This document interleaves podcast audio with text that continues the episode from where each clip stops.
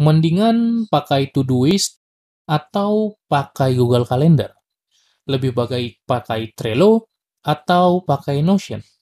Kita akan kasih tahu dan bongkar selengkapnya di episode kali ini. Let's start. Halo, selamat datang di podcast Cerita Pembelajar.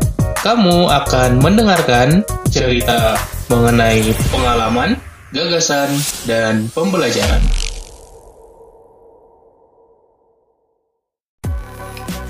Cerita Pembelajar Season 9 Productivity Hacks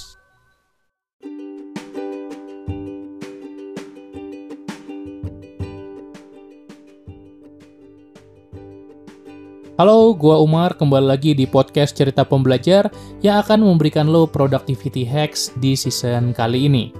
Tentu kita akan memberikan teknik-teknik, metode, trik, tools yang sangat konkret sehingga bisa langsung lo terapkan.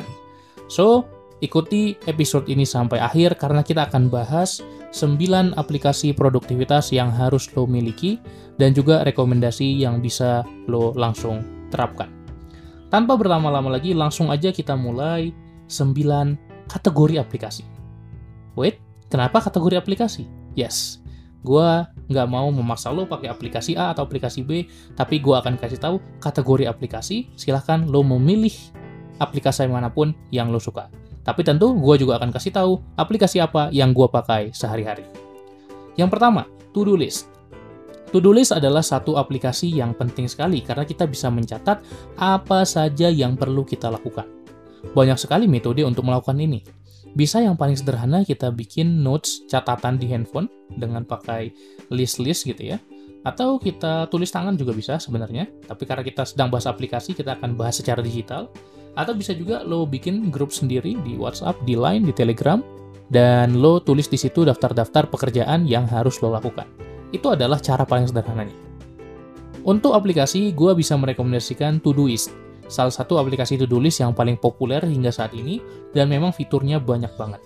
Untuk lo yang baru memulai, mungkin kadang-kadang overwhelmed dengan berbagai aplikasi yang penuh fitur.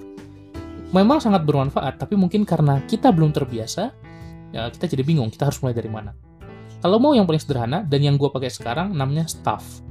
Gue nggak tahu apakah sudah ada di iOS atau belum, tapi gue pakai di Android dan sangat membantu. Kenapa? Karena simple, mudah digunakan, dan bisa gue track dengan mudah karena ada widgetnya. Tapi ini untuk Android saja.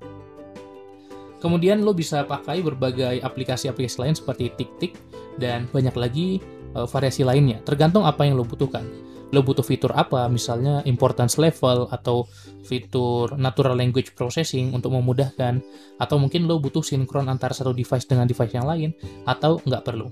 Jadi tergantung kebutuhan lo, silahkan pilih aplikasi to-do list yang sesuai. Yang kedua adalah kalender dan scheduling. Untuk kalender, gue menggunakan Google Calendar. Tapi diintegrasikan dengan satu aplikasi kalender yang gue suka banget UI-nya. Namanya Business Calendar 2 lo silahkan bisa cari bisnis kalender gue gue suka banget udah bertahun-tahun gue pakai itu dan really love it. Ya memang gue pakai yang premium sehingga berbayar versi pro nya tapi kalau menurut gue itu sangat worth it. Tapi kalau gue mau merekomendasikan biasanya gue langsung merekomendasikan Google Calendar saja. Buat lo yang sudah terbiasa di kantor uh, pakai sistem Outlook silahkan lanjutkan pakai Outlook itu juga sama-sama oke. Okay. basically semua aplikasi kalender sekarang sudah punya standar-standarnya. Jadi aplikasi mana pun yang lo pakai, asal lo nggak advance-advance banget, makanya pasti oke. Okay, karena udah ada sistem ICS yang terintegrasi. Untuk scheduling, gue biasanya menggunakan Calendly.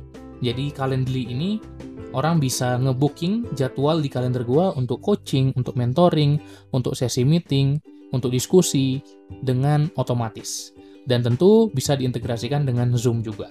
Ada versi berbayar tapi gue pakai yang gratis dan sangat mencukupi. Gue juga pernah pakai You Can Book Me dan berbagai scheduling lain, tapi gue masih paling prefer Calendly. Tentu kita akan bisa menggunakan Calendly dengan optimal apabila kita sudah terbiasa dengan sistem kalender dan agenda. Kalau lo belum pernah pakai Google Calendar sama sekali, start with that gitu ya. Abaikan scheduling dulu, mulai dari yang dasar pakai agenda dulu seperti Google Calendar. Yang ketiga adalah project management. project management ini fungsinya adalah mengelola tugas-tugas kita, project-project kita, dan banyak sekali tools-tools yang bisa kita lakukan untuk ini. Satu metode yang populer untuk mengelola project adalah Kanban. Kanban ini adalah uh, papan kerja ya yang menitik beratkan pada workflow pekerjaan ya. Kanban paling sederhana adalah to do, doing, done ya. Kita sebut Kanban board. Jadi kita memindahkan kart kartu dari satu list ke list yang lain, dari satu kolom ke kolom yang lain. Ini sangat populer di Jepang, terutama pada sistem manufaktur, tapi sekarang sudah menjadi populer di sistem produktivitas juga. Silakan bisa baca ebook gua Rahasia Jago Ngotor Waktu untuk dapat informasi lebih lengkapnya mengenai Kanban.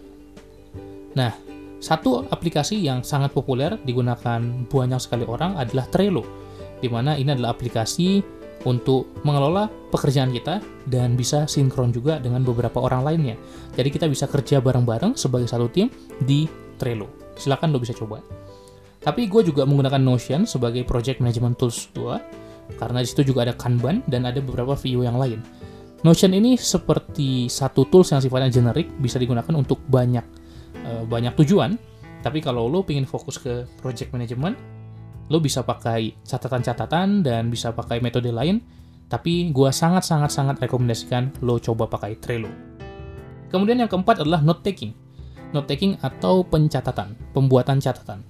Lo bisa gunakan notes yang di handphone gitu ya lo bisa gunakan catatan di laptop sesimpel notepad it's okay sebetulnya tapi kalau gua sarankan pakai Google Keep kenapa karena gua terbiasa dengan ekosistem Google jadi sangat sinkron ya sangat sinkron antara Google Calendar Google Keep uh, Google Notes ya atau Google Keep sama dan ada juga Google Task nanti by the way tadi to-do list gue belum nyebutin Google Task juga bisa nah untuk note taking sebenarnya gue masih campur ya antara notes ataupun pakai Google Keep tapi setelah gue pakai tablet, gue menggunakan notes yang ada di tablet gue.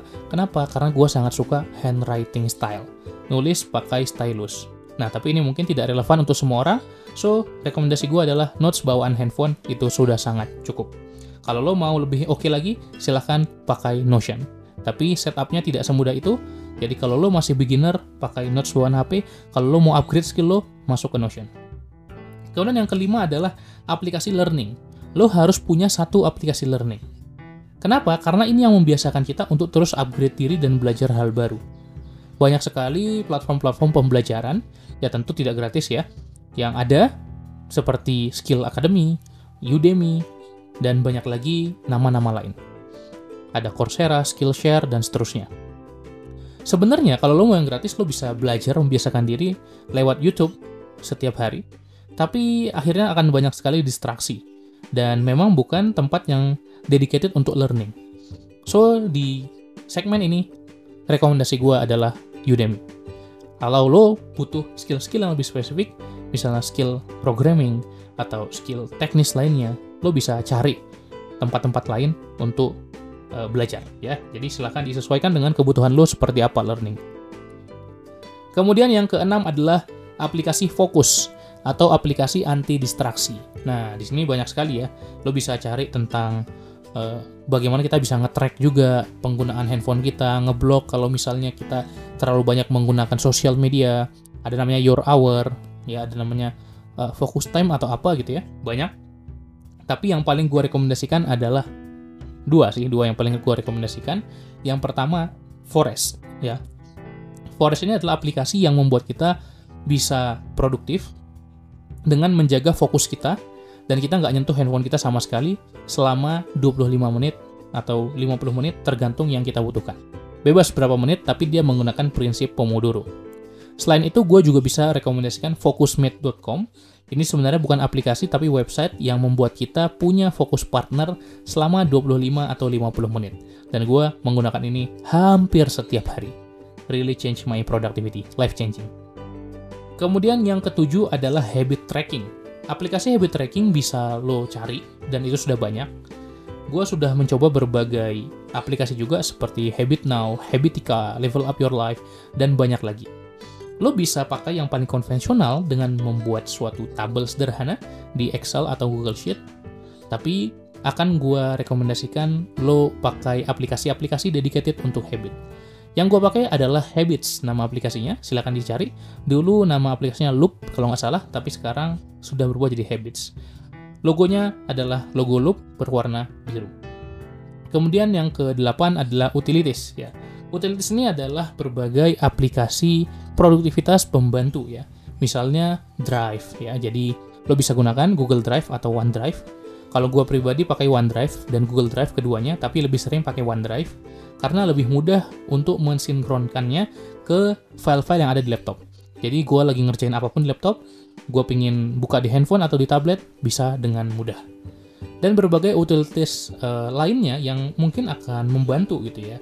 Misalnya aplikasi-aplikasi banking, aplikasi apalagi ya commerce gitu ya atau aplikasi uh, ride hailing gitu ya kayak Gojek Grab dan banyak lagi itu disesuaikan dengan masing-masing. Jadi gue tidak punya saran khusus di segmen ini.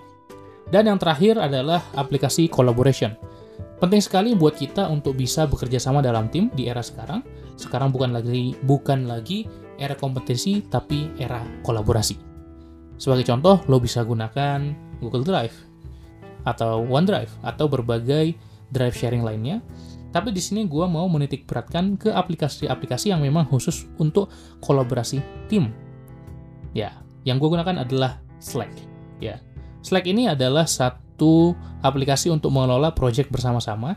Sistemnya adalah sistem chat, tapi kita bisa taruh file juga di situ. Sebenarnya akan sangat mirip dengan Discord kalau lo udah pernah pakai Discord. Tapi kalaupun lo belum terbiasa atau belum ada tim, ya udah ini nggak wajib-wajib banget. So, itu dia 9 kategori aplikasi yang bisa lo terapkan. Dan gue akan rangkum di akhir supaya memudahkan lo untuk mengingatnya. Yang pertama adalah to-do list gue bisa menggunakan Todoist atau Staff. Yang kedua, kalender, gue pakai Google Calendar dan Business Calendar 2. Yang ketiga, project management, mainly gue pakai Notion, kadang-kadang Trello. Kemudian note taking, gue pakai notes bawaan handphone dan tablet gue. Yang kelima, learning, mainly gue akan menggunakan Udemy. Yang keenam, fokus, gue pakai Forest dan FocusMate.